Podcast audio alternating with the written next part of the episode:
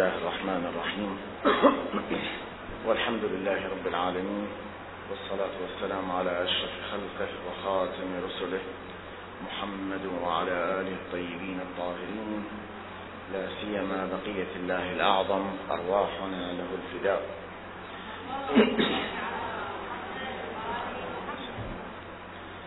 وصلنا بنا المقام إلى التعرض إلى العنوان الثاني من الشبهات التي قد تذكر أو التي ذكرها البعض حول اعتقاد الإمامية الاثنى عشرية بالحجة ابن الحسن المهدي عجل الله تعالى فرجه الشريف. وقلنا أن العنوان الثاني يتعرض إلى الشبهات حول شخصه سلام الله عليه. حول انطباق تلك العناوين العامة التي ذكرت والتي استعرضنا جزءا منها في الأبحاث السابقة على الإمام الثاني عشر الذي عرف باسمه والذي له تاريخ محدد في ولادته ونشأته. هذه الشبهات تتفرع إلى عناوين فرعية متعددة. العنوان الأول الفرعي الذي ذكر هو اختلاف الروايات في تشخيصه. ادعى البعض وذكر البعض بأن الروايات مختلفة في تشخيص المهدي سلام الله عليه. بعض الروايات تذكر بأن المهدي هو من ولد العباس.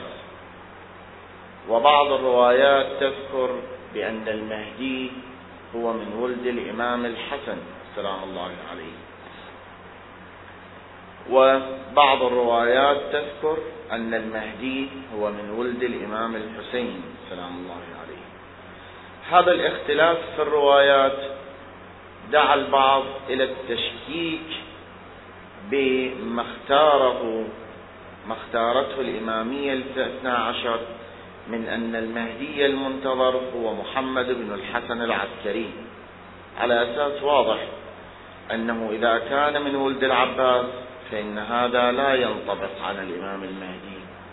إذا كان من ولد الحسن فإن هذا لا ينطبق على الإمام المهدي. تنطبق عليه الروايات الخاصة التي ذكرت بأن المهدي هو من ولد الإمام الحسين سلام الله عليه. خب هذه المسألة للوهلة الأولى لا تبدو مسألة مهمة وذلك لأن مجرد اختلاف الروايات ليس بأمر عزيز.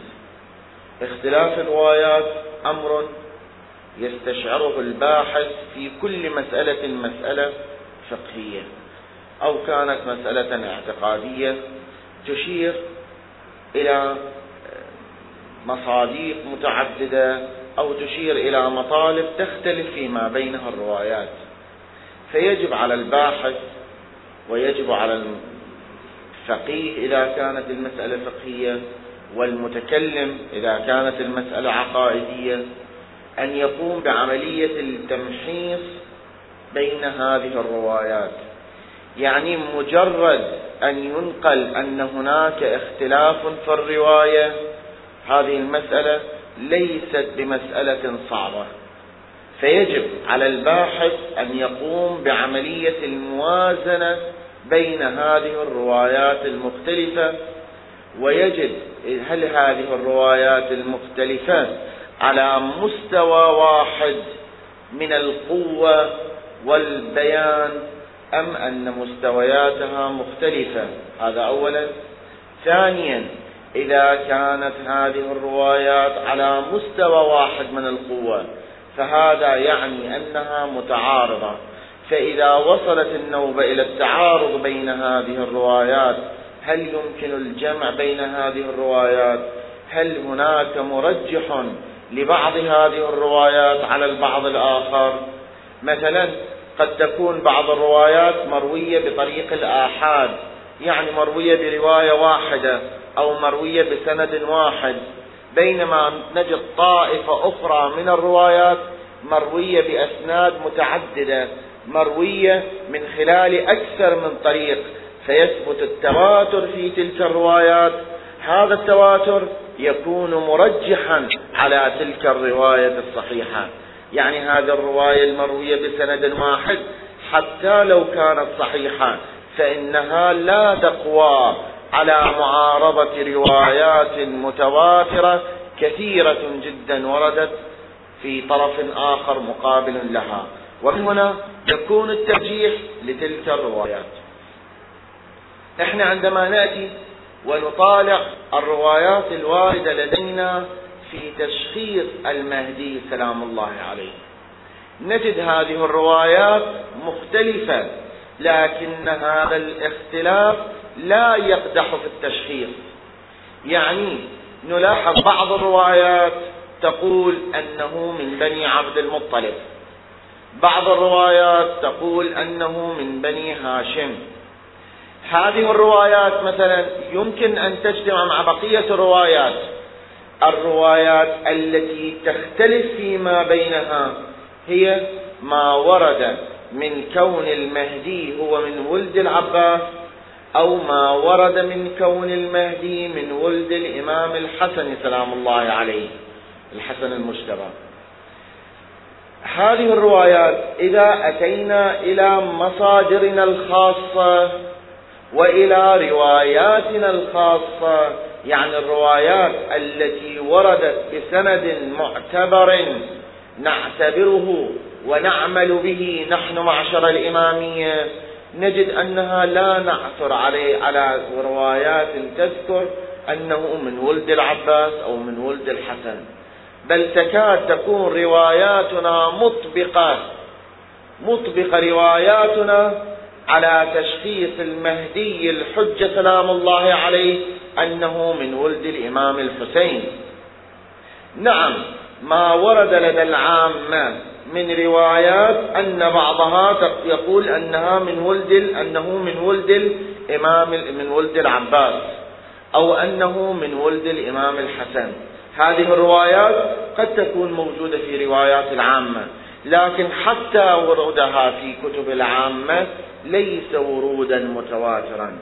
يعني الروايات الواردة في كتب العامة كلها تشير إما أنه من عترتي أغلبها وأكثرها يشير إلى أنه من عترتي أو تشير إلى أنه من بني فاطمة. نحن نقرأ بعض الروايات التي تحدد الإمام المهدي. أهمية هذه الروايات وأهمية تأسيس هذا الأساس أنه سوف نأتي في مرحلة لاحقة نعالج مسألة ولادة الإمام. البعض يأتي ويشكك بعد ذلك في ولادة الإمام. إذا تمت لدينا هذه الروايات وهذه الروايات روايات صحيحة متواترة هذه الروايات تسير بنا شيئا فشيئا إلى أن تقول أن للحسن العسكري ولد هو محمد بن الحسن الحجة. هذه الله صل على محمد. هذه الروايات التي سوف نذكر بعضها بعضها الآن عندما تسير متسلسلة بهذا النحو. إذا وصلنا بعد ذلك إلى مرحلة صعب على البعض مو صعب علينا. صعب على البعض إثبات حادثة تاريخ حادثة تاريخية هي ولادة الإمام الحجة. إذا أشكل عليهم ذلك إذا أشكل عليهم ذلك يعني ما تمكنوا من خلال الرجوع إلى المؤرخين من خلال الرجوع إلى بعض الروايات لم يتمكنوا فرضا من باب الفرض فقط لم يتمكنوا من إثبات ولادته سلام الله عليه فعدم تمكنهم لا يعني أنه لم يولد.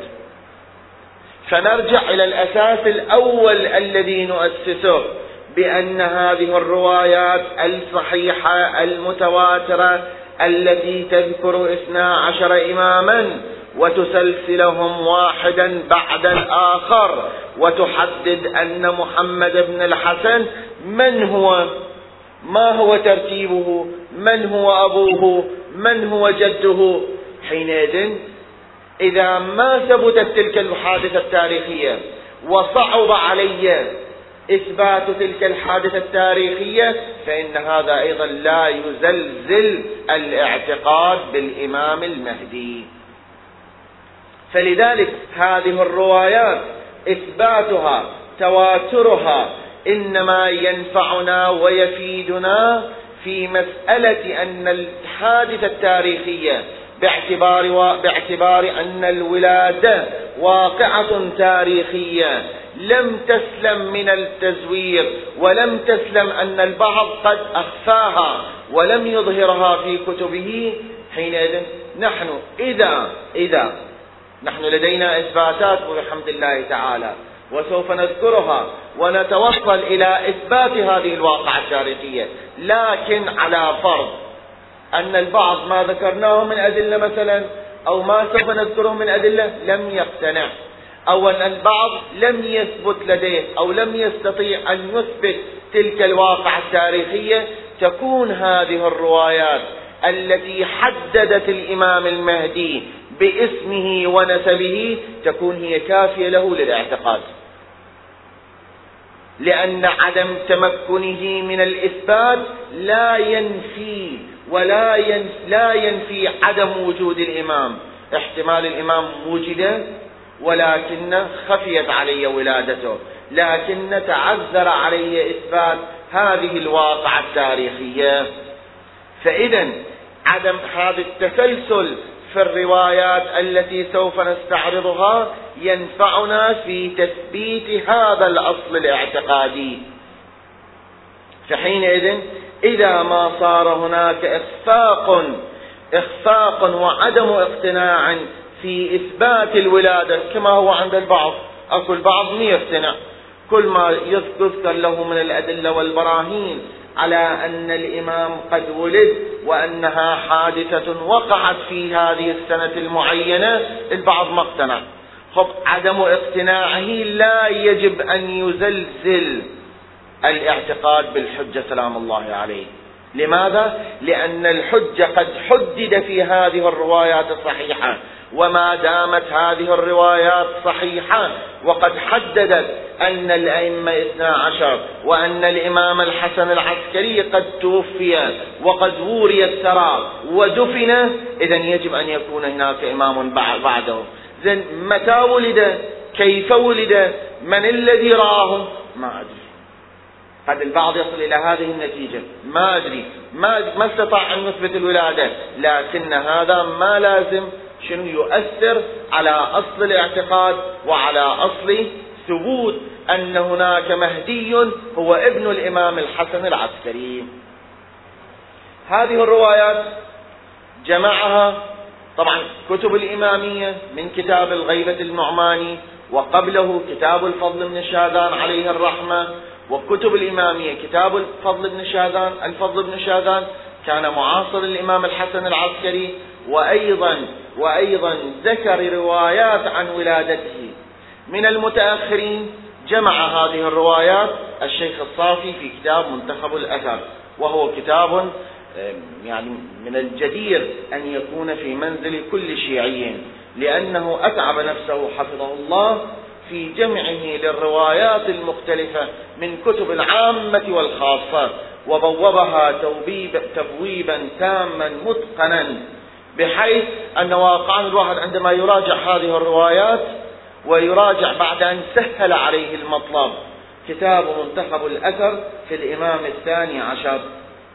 للشيخ لطف الله الصافي الباياني وهو أحد المراجع في قم. من هذه الروايات طبعا تبدأ هذه الروايات بروايات في بيان صفات الإمام بعض الروايات يذكر فصلا كاملا في أن المهدي سلام الله عليه هو من ولد علي بن أبي طالب. يذكر مجموعة من الروايات عن علي عليه السلام أنه قال المهدي رجل مني. خب المهدي رجل مني أيضا ممكن أن يكون من الإمام الحسن. لكن عندما يقول علي المهدي رجل مني يعني ليس من العباس. في هذا الباب يعني الروايات التي تشير أن الإمام المهدي هو من ولد علي بن أبي طالب يذكر الشيخ 225 حديثا. يعني 225 حديث تذكر أن المهدي هو من ولد علي بن أبي طالب. بعضها أيضا بالسند أسنادها عن العامة أيضا.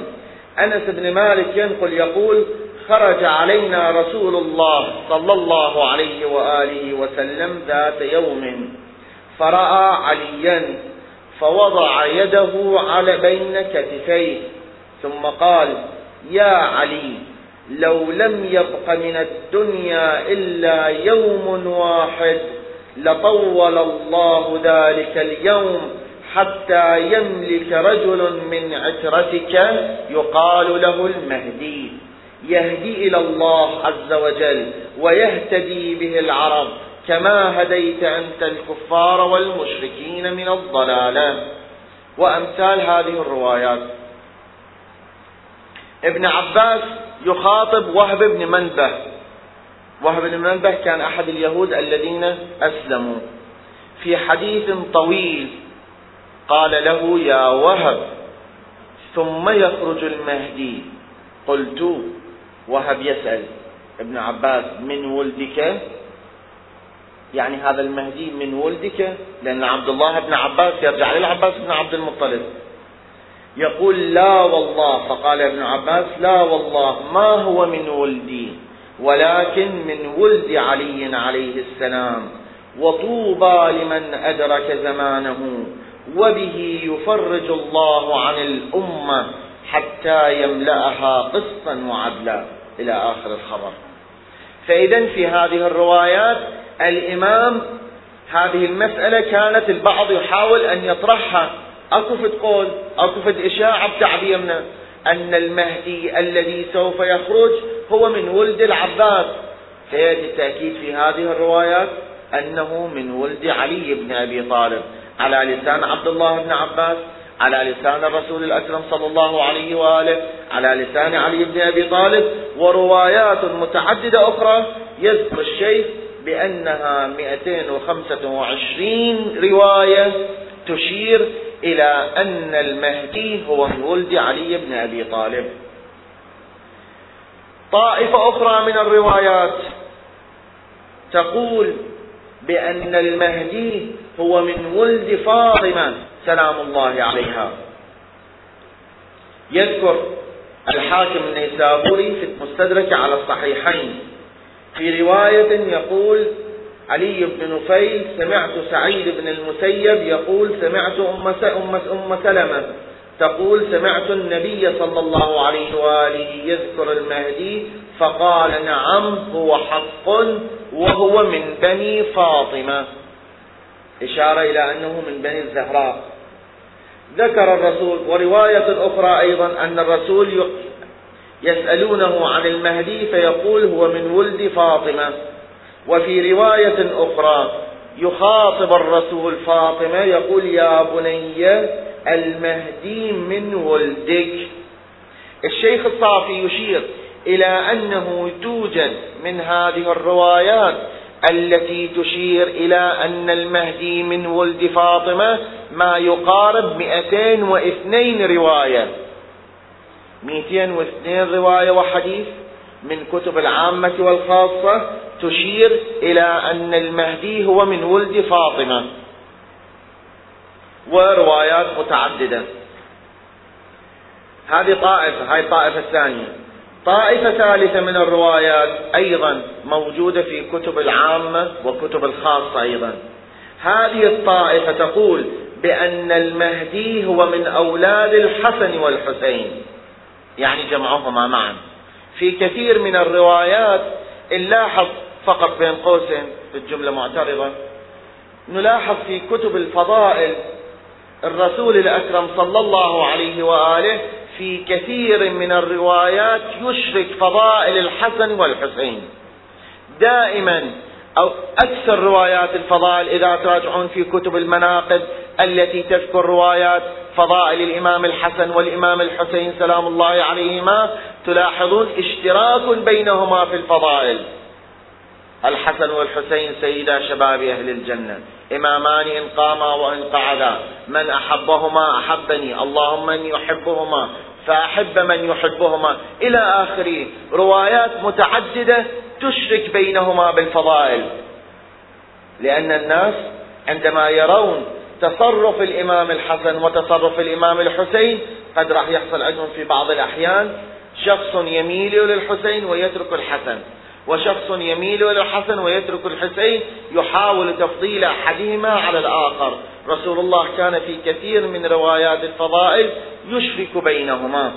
على كل حال روايات تشير إلى أن رسول الله صلى الله عليه وآله قال يولد منهما يعني الحسن والحسين مهدي هذه الأمة.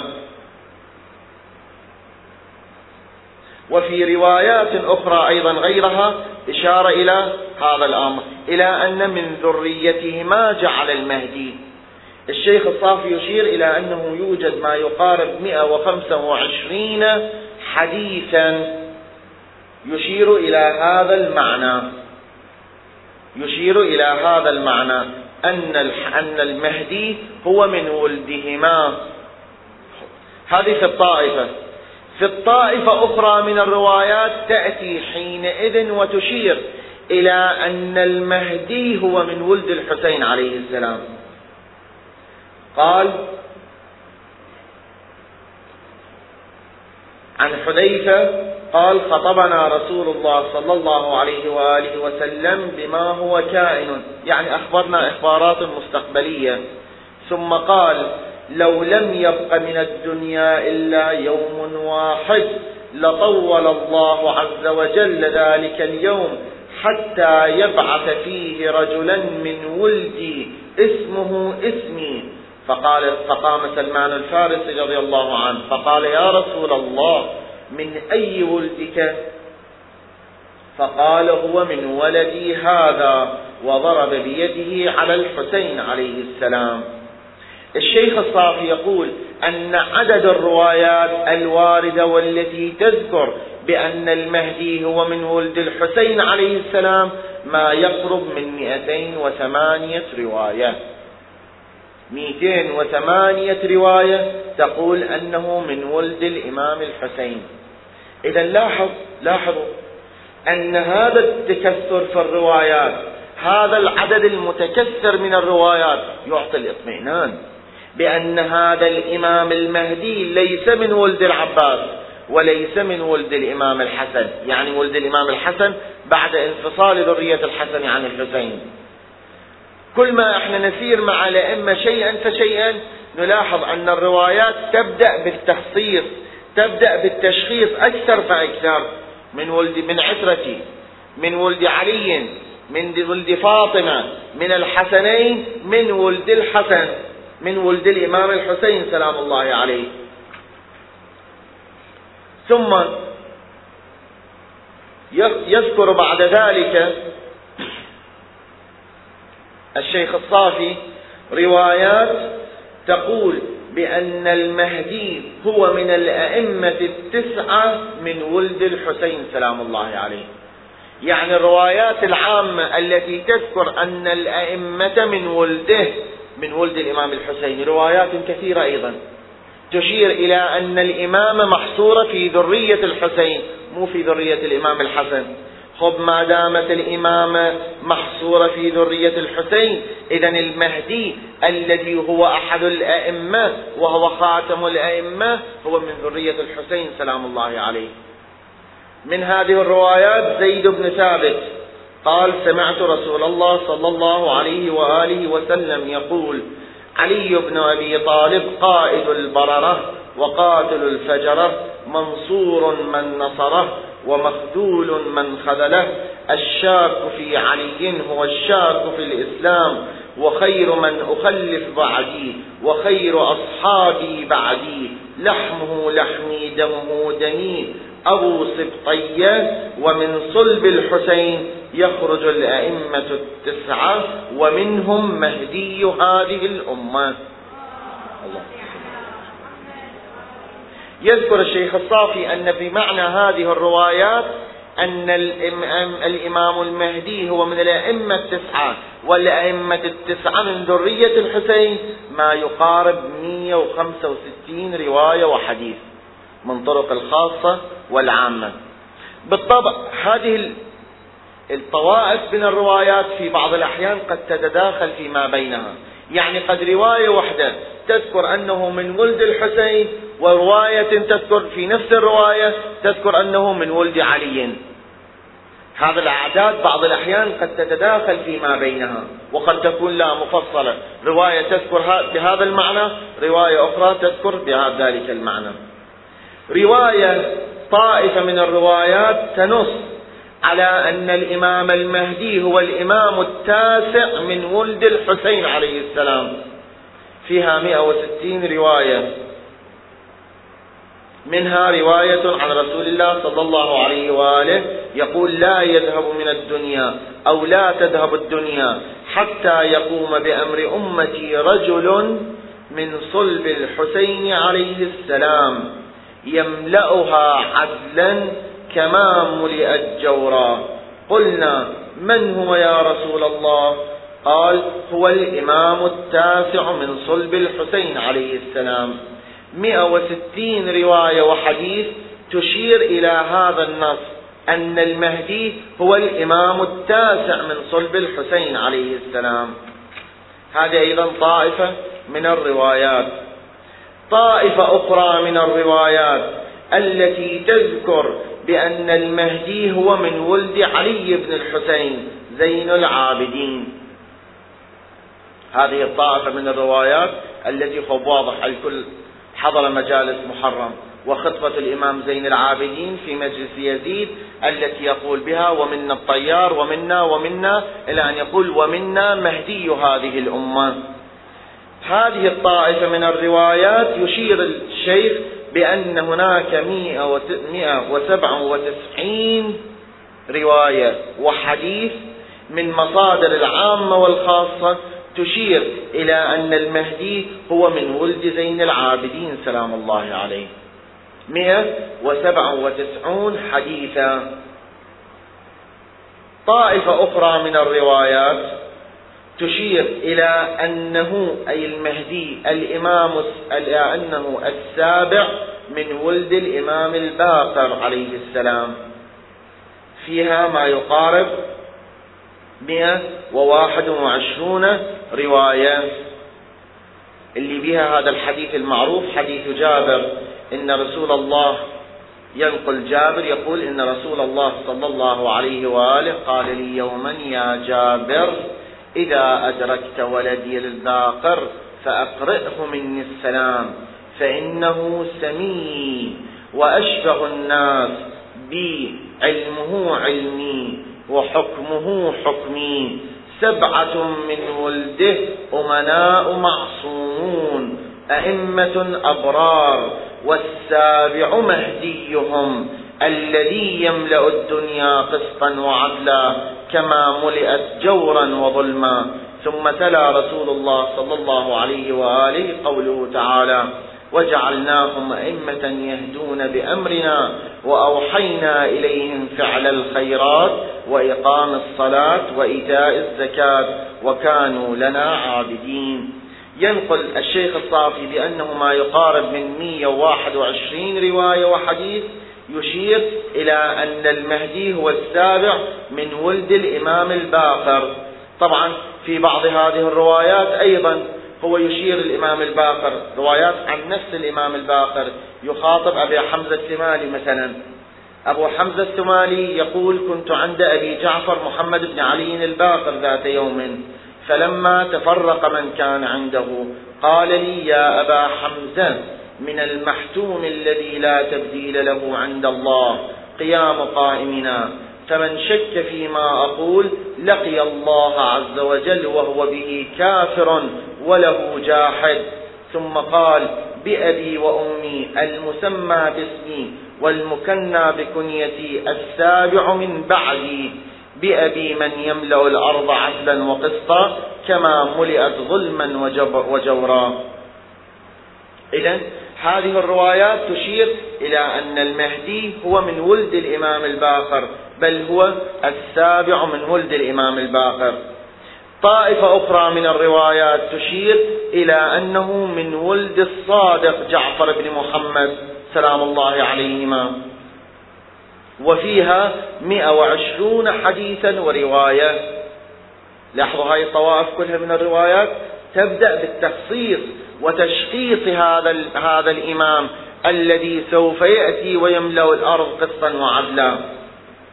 طائفة أخرى من الروايات تقول لاحظوا لاحظوا أن الشيخ الصافي يقول هناك 120 حديث تقول وينص هذا الحديث أنه من ولد الصادق عليه السلام. هناك 112 حديثا تنص على أنه السادس من ولد الإمام الصادق سلام الله عليه. أخاف واحد يشتبه. ولد الإمام الصادق عنوان عام. لا يجيب لك عدد في بعض الروايات. ويذكر عددا خاصا.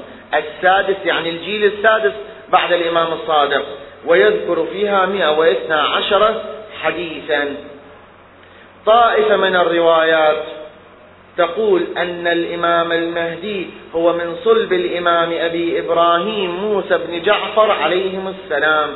يذكر فيها ما يقارب 121 رواية. وحديث أن هذا الإمام هو من ولد الإمام الكاظم سلام الله عليه. طائفة أخرى من الروايات تقول أنه الخامس من ولد الإمام السابع. هاي كلها تتألسن الروايات مختلفة. لسان من الروايات بهذا النحو. لسان من الروايات بهذا النحو. مثلا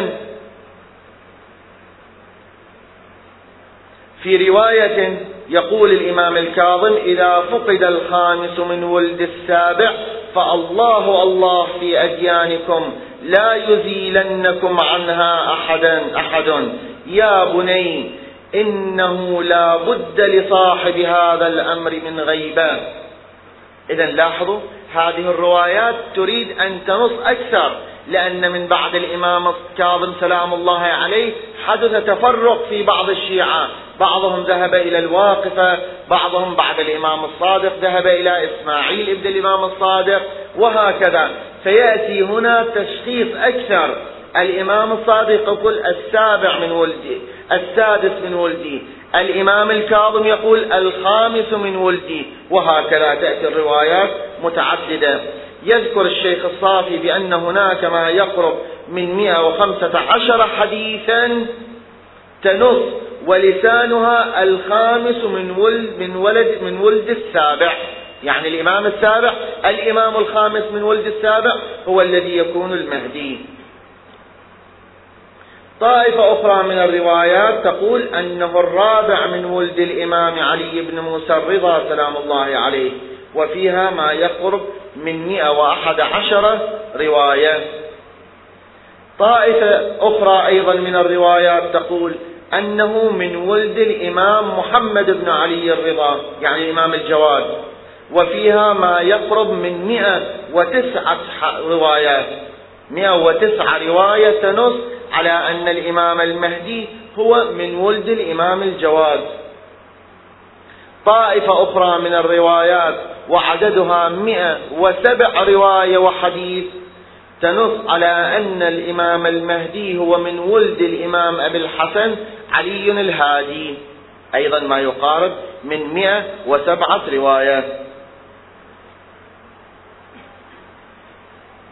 في رواية ينقل الإمام الهادي رواية عن الإمام الهادي سلام الله عليه يقول إن الإمام بعدي الحسن ابني وبعد الحسن ابنه الحجة الذي يملأ الأرض قسطا وعدلا كما ملئت جورا وظلما.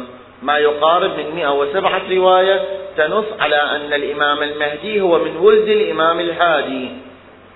طائفة أخرى من الروايات تقول بأن الإمام المهدي هو خلف الإمام الحسن العسكري يعني ابن الإمام الحسن العسكري. هذه روايات عديدة. منها رواية عن الإمام الهادي سلام الله عليه يقول الخلف من بعدي الحسن فكيف لكم بالخلف من بعد الخلف؟ فقلت ولم جعلني الله فداك؟ فقال إنكم لا ترون شخصه ولا يحل لكم ذكره باسمه. فقلت فكيف نذكره؟ فقال قولوا الحج من آل محمد عليهم السلام. على محمد وآل محمد. عدد هذه الروايات 107 رواية. تذكر على أن الإمام المهدي سلام الله عليه هو من ولد الإمام الحسن. هذه الطوائف من الروايات لاحظوا بالمئات. بالمئات هذه الطوائف من الروايات المتعددة المتكثرة. هذه كلها تشترك في شيء واحد وتصب في مصب واحد أن المهدي الحجة هو ابن الإمام الحسن العسكري. فإذا من يدعي اختلاف الروايات بعد ذلك أي رواية تأتي بها تقف أمام هذا هذا الجمع الكثير من الروايات. هل رواية التي تقول بأن المهدي هو من ولد العباس تقف أمام هذه الروايات؟ هل الرواية التي تقول بأن المهدي هو من ولد الحسن تقف أمام هذه الروايات؟ كل هذا المستشكل أو الذي يطرح الشبهة فليرجع إلى نفسه وليرجع إلى ضميره وليرجع إلى عقله. هل تقف هذه الروايات أمامه أم لا؟ بالطبع نحن عندما طرحنا من اليوم الأول وقلنا أن الذي يطرح مثل هذا الإشكال إما أن يريد أن يقتنع أو أن يريد أن يشبه علينا عقائدنا. إذا أراد أن يقتنع طب أكيد ما راح يقتنع لأنه ما مقتنع بأصل الإمامة. فكيف يعتقد ويقتنع بأن الإمام المهدي هو من ولد الحسن سلام الله عليه؟ أما إذا أراد أن يشكك في اعتقاداتنا فنحن يجب أن نرجع إلى مبانينا وأسسنا. نحن عندما ثبتت لنا الإمامة ثبت لنا الأئمة الاثنى عشر نأخذ الروايات التي تثبت لنا عن الرسول الأكرم صلى الله عليه وآله وتأخذ الروايات الروايات الصحيحة التي تثبت لنا عن الأئمة الذين قبل الإمام المهدي. إذا حينئذ المسألة راح تكون طبيعية بالنسبة لنا ويكون قول هذا المشبه وهذا المستشكل يكون قوله مردودا لأن قوله يكون على خلاف موازينه وعلى خلاف الروايات الواردة والتي هي عندنا. مثلا في بعض الروايات لاحظ الإمام يعني هذه الروايات تكثرها وإلقائها بأنحاء مختلفة ألسنة مختلفة هذا يريد أن يقول تقول الروايات بعد لحد يجد هناك مفر أو يبحث عن تأويل. ألسنة متعددة حتى تسد الطريق أمام كل واحد. منحرف يريد أن يضل الأمة. روايات فقط أنه من من ولد الحسين من ولد الباقر من ولد زين العابدين. الخامس بعد السابع أنه أنه الولد السادس مثلا. وهكذا روايات متعددة. مثلا في بعض الروايات تقول عن رسول الله إذا توالت أربعة أسماء من الأئمة من ولدي محمد وعلي والحسن فرابعها هو القائم المأمول المنتظر. إذا لاحظ هاي في كيفية أخرى من الروايات. روايتين وردتا عن الرسول أحدهما عن الرسول الأكرم صلى الله عليه وآله وأحدها عن الإمام الصادق بنفس النص. إذا توالت محمد وعلي والحسن فالرابع هو الحجة هذا لسان مختلف من الروايات. الروايات بأكثر من كيفية بأكثر من لسان بأكثر من لفظ. تريد أن تنص على هذا المطلوب. حتى بعد واحد لي يحتمل احتمال آخر. بعد واحد ليأتي ويتفنن. ليش ما ذكر بالنص؟ في هذه الروايات. هذه الروايات نلاحظ أنها تريد أن تسد الطريق أمام أي مستشكل وتريد أن تدفع أي إبهام أو أي شك أو أي شبهة تحدث في ذهن الموالين. هذه طائفة من الروايات أيضا إذا حينئذ ما ذكر من الشبهات بأن الروايات مختلفة في تشخيص الإمام المهدي. هذه الشبهة حينئذ وهذا الإشكال يكون مردودا. من الشبهات الأخرى عنوان آخر من الشبهات ذكرها ابن تيمية يقول اختلفوا في المنتظر. يعني الشيعة اختلفوا في الإمام المنتظر. على أقوال منهم من يقول ببقاء جعفر بن محمد الصادق. يعني قال بأن الإمام المهدي المنتظر هو الإمام الصادق. ومنهم من يقول ببقاء ابنه موسى بن جعفر. أكو بعض الناس جاءوا وقالوا أن الإمام المهدي الذي هو حي وباقي هو الإمام الكاظم. ومنهم من يقول ببقاء محمد بن عبد الله بن الحسن. ومنهم من يقول ببقاء محمد بن الحنفية. ثم يتساءل ابن تيمية فأي الأقوال مأخوذ من المعصوم؟ إذا هذول الشيعة اختلفوا فيما بينهم والشيعة هم أتباع علي بن أبي طالب فإذا اختلفوا فيما بينهم في تشخيص المهدي. حينئذ إذا موقف شيء واضح عند الشيعة. هذا مثل ابن تيمية وهو أعلمهم أعلم العامة الذي له أتباع الآن الوهابية يرجعون في أصل عقيدتهم وفي أصل مذهبهم إلى ابن تيمية. خب واضح هذه الشبهة وهذا الإشكال؟